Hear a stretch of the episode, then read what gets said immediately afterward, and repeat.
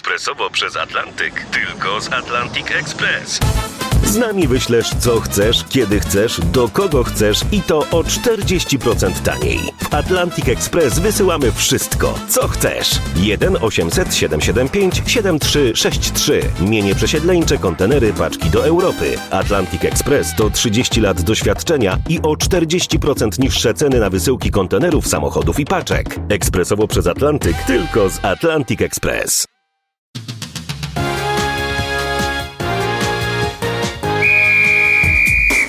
Dzień dobry, przy mikrofonie Paweł Pawłowski. Zapraszam na cotygodniowy magazyn sportowy RMFFM. A dziś przed nami cztery konkursy Pucharu Świata z rzędu wygrane przez Polaków. Złoty orzeł w rękach Kamila Stocha, no i nowy członek rodziny Dawida Kubackiego. To na początek naszego spotkania. Później o zbliżających się Mistrzostwach Świata piłkarzy ręcznych.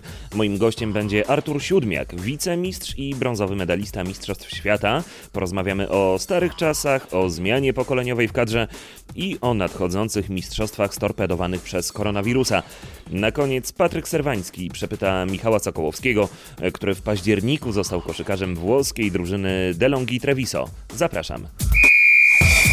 Na początek jednak skoki narciarskie. Kadra Doleżala ma wreszcie okazję do odpoczynku. Odkąd skoczkowie ruszyli po świętach na niemiecko-austriackie tournée, nie mieli możliwości, żeby choć przez chwilę odsapnąć. To był intensywny czas. Kamil Stoch wyrównał rekord zwycięstw w Pucharze Świata. Ma ich teraz 39, czyli tyle samo, ile Adam Małysz. Stoch wygrał również turniej czterech skoczni, a Kubacki zanotował zwycięstwo w jednym z konkursów turnieju.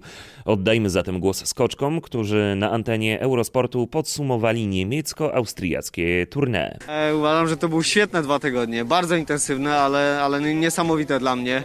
E, pod względem sportowym no, uważam, że wspiąłem się na wyżyny.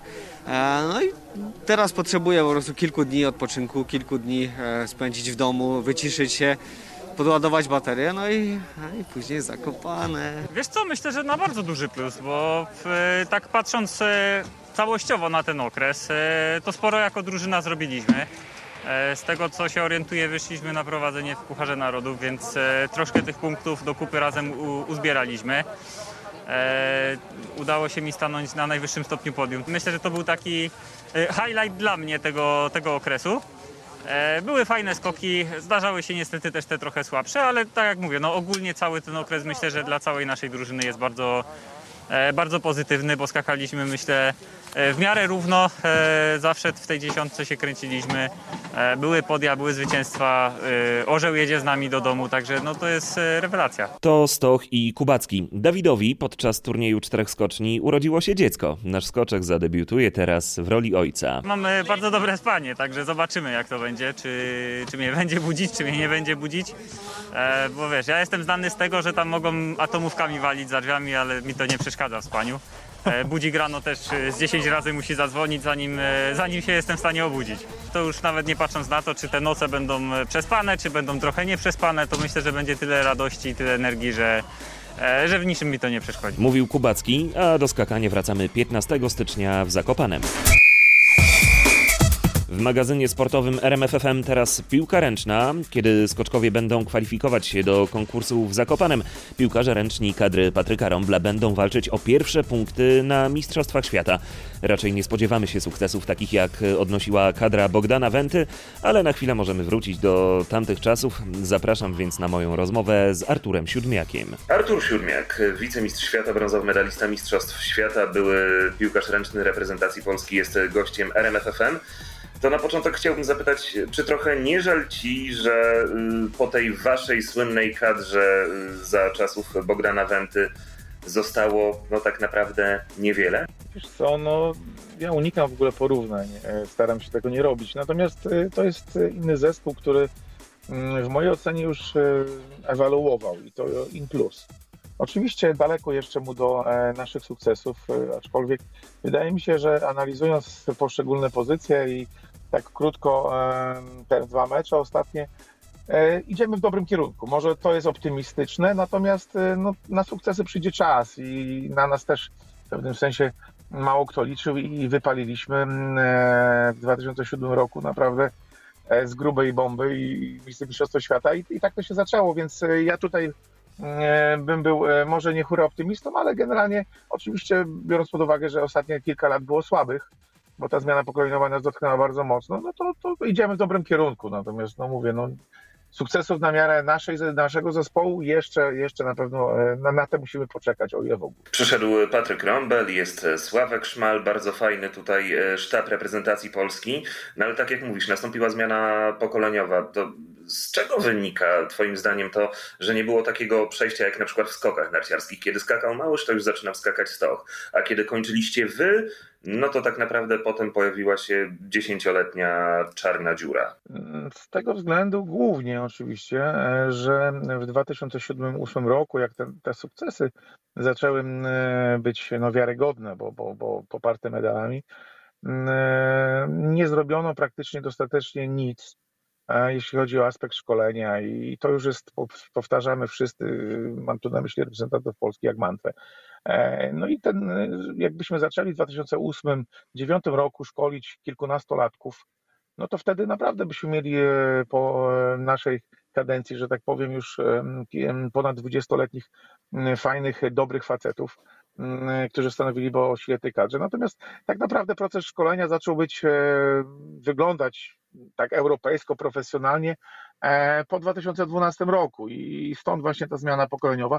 A drugim takim czynnikiem było to, że my przez długi okres, przez dekadę byliśmy praktycznie hermetyczną drużyną, która nie dopuszczała za bardzo mm, dużo ludzi z zewnątrz. Oczywiście miało to swoje dobre i złe strony. Dobre to mam na myśli sukcesy, dwa złe, no, no, no, no brak takiego dopuszczenia tych zawodników i e, no to też e, no nie działa mobilizująco na, na młodych graczy, e, więc to były takie główne czynniki i teraz mi się wydaje, że, że ta kadra jest no, dość dobrą mieszanką. Troszeczkę doświadczonych zawodników, trochę młodych i co najwyższe, co, co, co mnie cieszy, widać efekty szkolenia, bo pojawia się dużo fajnych, młodych, ciekawych zawodników. Oglądałeś mecze z Turcją, to były mecze o punkty. Bardzo fajnie, że mecze o punkty chyba e, przed kolejną wielką imprezą, bo tutaj walczymy o eliminację, o dostanie się do Mistrzostwa Europy, a za chwilę mamy y, Mistrzostwa Świata. Zakładam, że to może naszym kadrowiczom pomóc. I powiedz, jakie są Twoje wnioski e, po tych e, dwóch meczach z Turcją? Wiesz co, miałem okazję oglądać niecały mecz, ten drugi w Płocku. Mm, natomiast no, zagraliśmy bardzo dobre spotkanie i wiecie, no to jest tak, że, że ostatnie cztery zwycięstwa, bo tak, bo tyle akurat mieliśmy, mamy na swoim koncie, na pewno działają mobilizująco i motywująco dla każdej drużyny. I e, obojętnie jaki to byłby przeciwnik, bo uważam, że Turcja to nie jest wyjątkowy przeciwnik, jakiś e, topowy, e, nie, nie oszukujmy się, ale zwycięstwo cieszy w dobrym stylu, szczególnie u nas. E, myślę, że dość dobra gra naszej drużyny, szczególnie w drugim spotkaniu. Mm, mamy dobrze obsadzoną bramkę, myślę, że skrzydła pozycji obrotowych co najważniejsze, pojawił się młody olejniczak na środku rozegrania, który też tą lukę na tej newralgicznym środku rozegrania przez dłuższy czas w jakiś sposób wypełnia. Więc y, wnioski są pozytywne, natomiast słuchajcie, no to jest tak, że mamy ciężki okres i te mistrzostwa myślę, że nie będą odzwierciedleniem formy aktualnych drużyn, e, bo, bo, bo i składy e, będą naprawdę egzotyczne, ponieważ wielu zawodników topowych odmówiło. E, system przygotowań jest w ogóle zaburzony granie eliminacji przed, tydzień przed turniejem to jest też y, y, coś niebywałego. No, natomiast no, no, mamy ciężką sytuację, więc y, ja sam będę z niecierpliwością oczekiwał tych pierwszych spotkań, bo, bo stać nas na dużo. Nie mówię tu o medalach, ale myślę, że na, na awans do, do, do tej głównej rundy na pewno i, i E, tego sobie bym życzył. Wspomniałeś o tych e, egzotycznych składach. Ja mówię, że koronawirus dziesiątkuje na przykład reprezentację e, Szwecji czy Niemiec, ale nie przez chorobę, tylko po prostu przez to, że zawodnicy rezygnują z występów.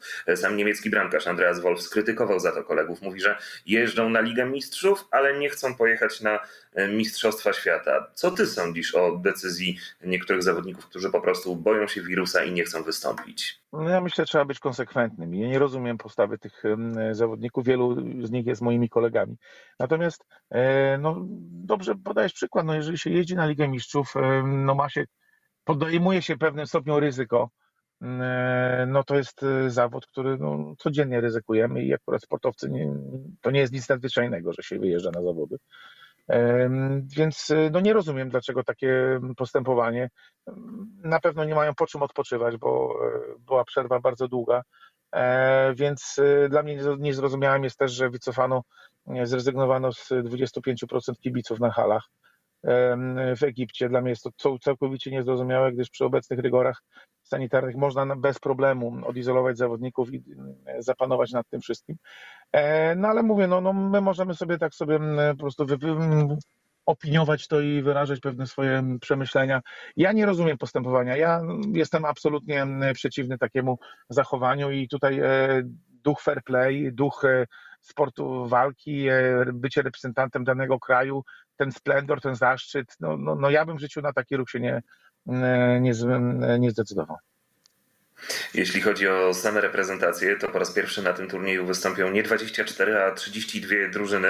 No i mamy bardzo ciekawych debiutantów. Wyspy Zielonego Przylądka, Demokratyczna Republika Konga, y, Urugwaj. No, y, czy to można trochę brzydko powiedzieć, że yy, trzeci świat w piłce ręcznej?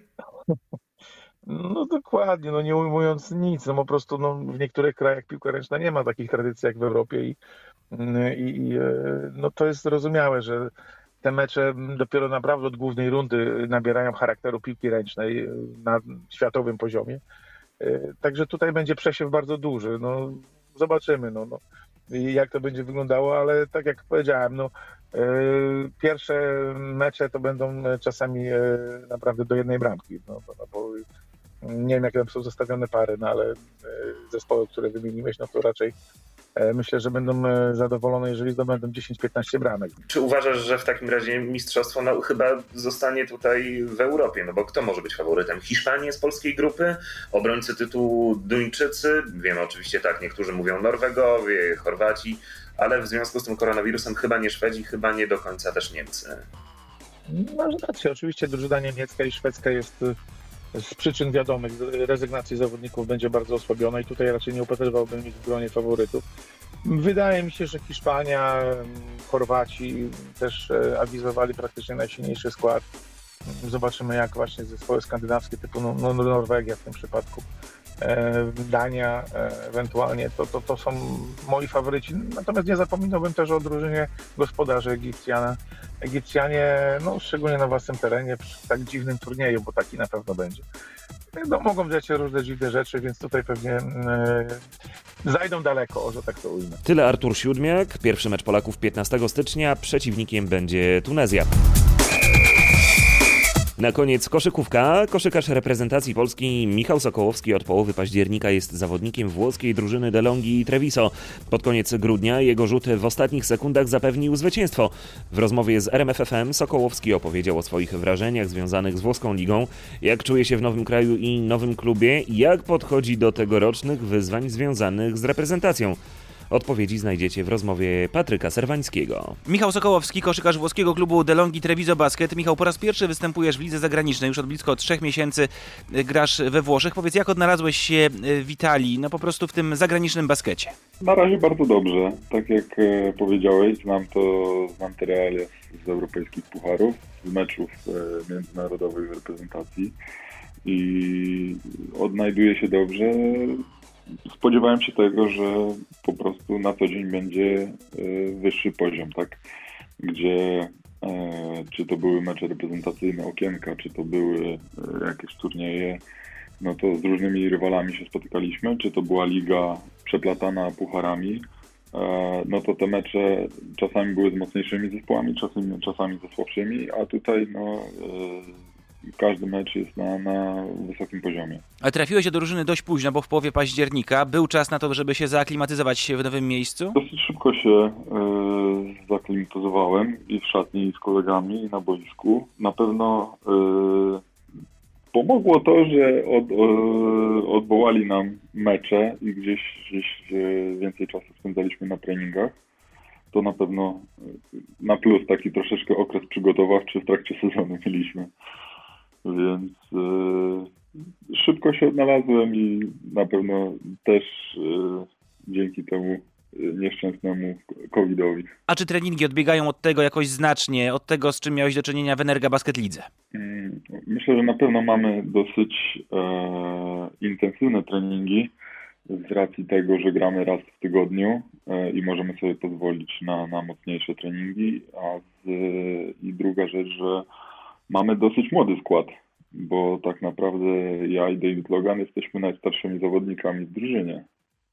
więc no, ja z racji, gdzie mam 28 lat jestem najstarszym zawodnikiem, prawie najstarszy, nie licząc Davida, no to mamy młody skład i, i trener też y, dużą, duży nacisk kładzie na to, żebyśmy grali bardzo intensywnie. Wszyscy żyjemy od blisko roku w realiach pandemii. Powiedz, jak te kwestie rozwiązano w lidze włoskiej? Mm, Liga wymaga y, testów przed każdym meczem, e, więc jeżeli mamy dwa dni przed meczem robione testy, wynik jest dzień przed meczem mm, i, to jest y, regularne u nas.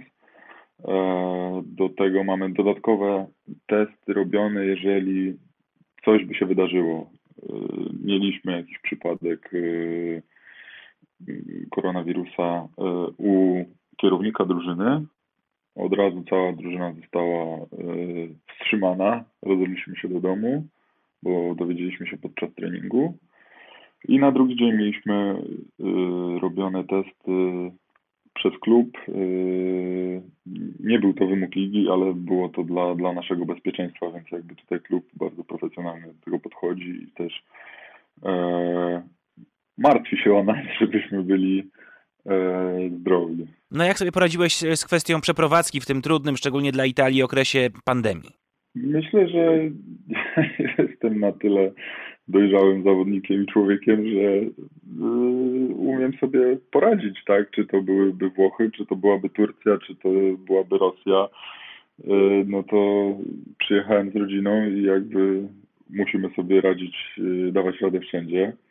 Więc tutaj jeżeli na pewno, e, jeżeli bym poprosił o pomoc, klub na pewno taką otrzymał, ale nie, nie potrzebowałem pomocy. To od razu doprecyzuję, bo nie chciałbym być, Michał, źle zrozumiany. Ja nie tyle mam jakieś wątpliwości do Twoich e, umiejętności w załatwianiu takich spraw, po prostu zastanawiam się, czy w okresie pandemii, tak jak u nas pewnie różne urzędy, czy różne tego typu placówki są e, pozamykane i być może trudniej jest dzisiaj różne sprawy po prostu sobie załatwić, niż miałoby to miejsce w normalnych okolicznościach. Stąd pytanie o ewentualną pomoc klubu, która po prostu, no, wydaje się tutaj w jakimś sensie naturalna? E, znaczy, e, tutaj wszystko było praktycznie gotowe. Mm, przyleciałem e, do hotelu, mieszkałem parę dni w hotelu i mieszkanie było już gotowe po, po kilku dniach. Więc tutaj, czy wszystkie sprawy papierkowe, no to też były jakby w klubie organizowane, więc organizacja na, na najwyższym poziomie. Mamy już rok 2021, to jest rok, w którym czekamy na emocje związane z reprezentacją. W lutym kolejne mecze eliminacji Mistrzostw Europy, a w czerwcu wasza walka o Igrzyska. Y, gdzieś to wszystko widzisz tam już na tym sportowym horyzoncie? Szczerze powiedziawszy, to y, do lutego jest jeszcze dużo czasu, a do, do czerwca i do eliminacji na olimpiadę to jeszcze więcej, więc bardzo dużo jest niewiadomych, bardzo dużo może się pozmieniać. E, w tej chwili skupiam się tylko i wyłącznie na nadchodzących meczach. Tak naprawdę na nadchodzącym meczu, bo, bo, bo e, nigdy nie wybiegam gdzieś tam 2, 3 czy 4 tygodnie do przodu. E, wiemy jednak, że, że no mamy szansę e, i awansować tak na Mistrzostwa i Europy i na Igrzyska Olimpijskie.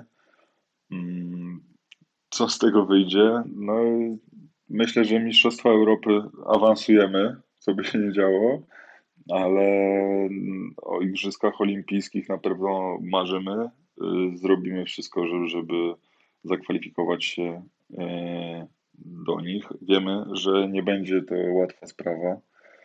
I też nie wiem do końca, jak to będzie wyglądać. Więc no, tutaj jest naprawdę dużo niewiadomych i zmiennych. Takie podejście towarzyszy Ci od dawna, czy jakoś wypracowałeś się w trakcie kariery? Nie wiem, myślę, że, że, że zawsze tak gdzieś podchodziłem, że mamy teraz zagrać mecz i nie myśleć, co, co będzie później, bo e, dużo się może wydarzyć rzeczy, e, a teraz jest jeszcze szczególny okres, że nic nie możemy zaplanować tak naprawdę, bo, bo yy, okres, gdzie, gdzie jest pandemia na świecie, yy, dużo pozmieniał i w życiu prywatnym, i w życiu sportowym, więc no, musimy cieszyć się każdą chwilą i nie myśleć, co będzie za tydzień czy za dwa. No to jeszcze wróćmy do Italii. Czy jakieś podstawy języka włoskiego opanowałeś? Co prawda wiadomo, że świat basketu to jest świat języka angielskiego, ale może już troszkę y, mówisz po włosku. Coś bardzo niewiele, ale e, gdzieś jakieś początki e, są tego włoskiego. E, bardziej uczę się od, od kolegów z szatni właśnie e, gdzieś tych słówek i powiedzeń, zapytań, odpowiedzi takich bardzo, bardzo podstawowych. Y, Na razie jakiejś chęci wielkiego, wielkiej nauki języka włoskiego nie ma, ale na pewno jestem ciekawy tych, tych y, podstaw. I to już wszystko w tym wydaniu magazynu sportowego. Na kolejny podcast zapraszam za tydzień. Do usłyszenia.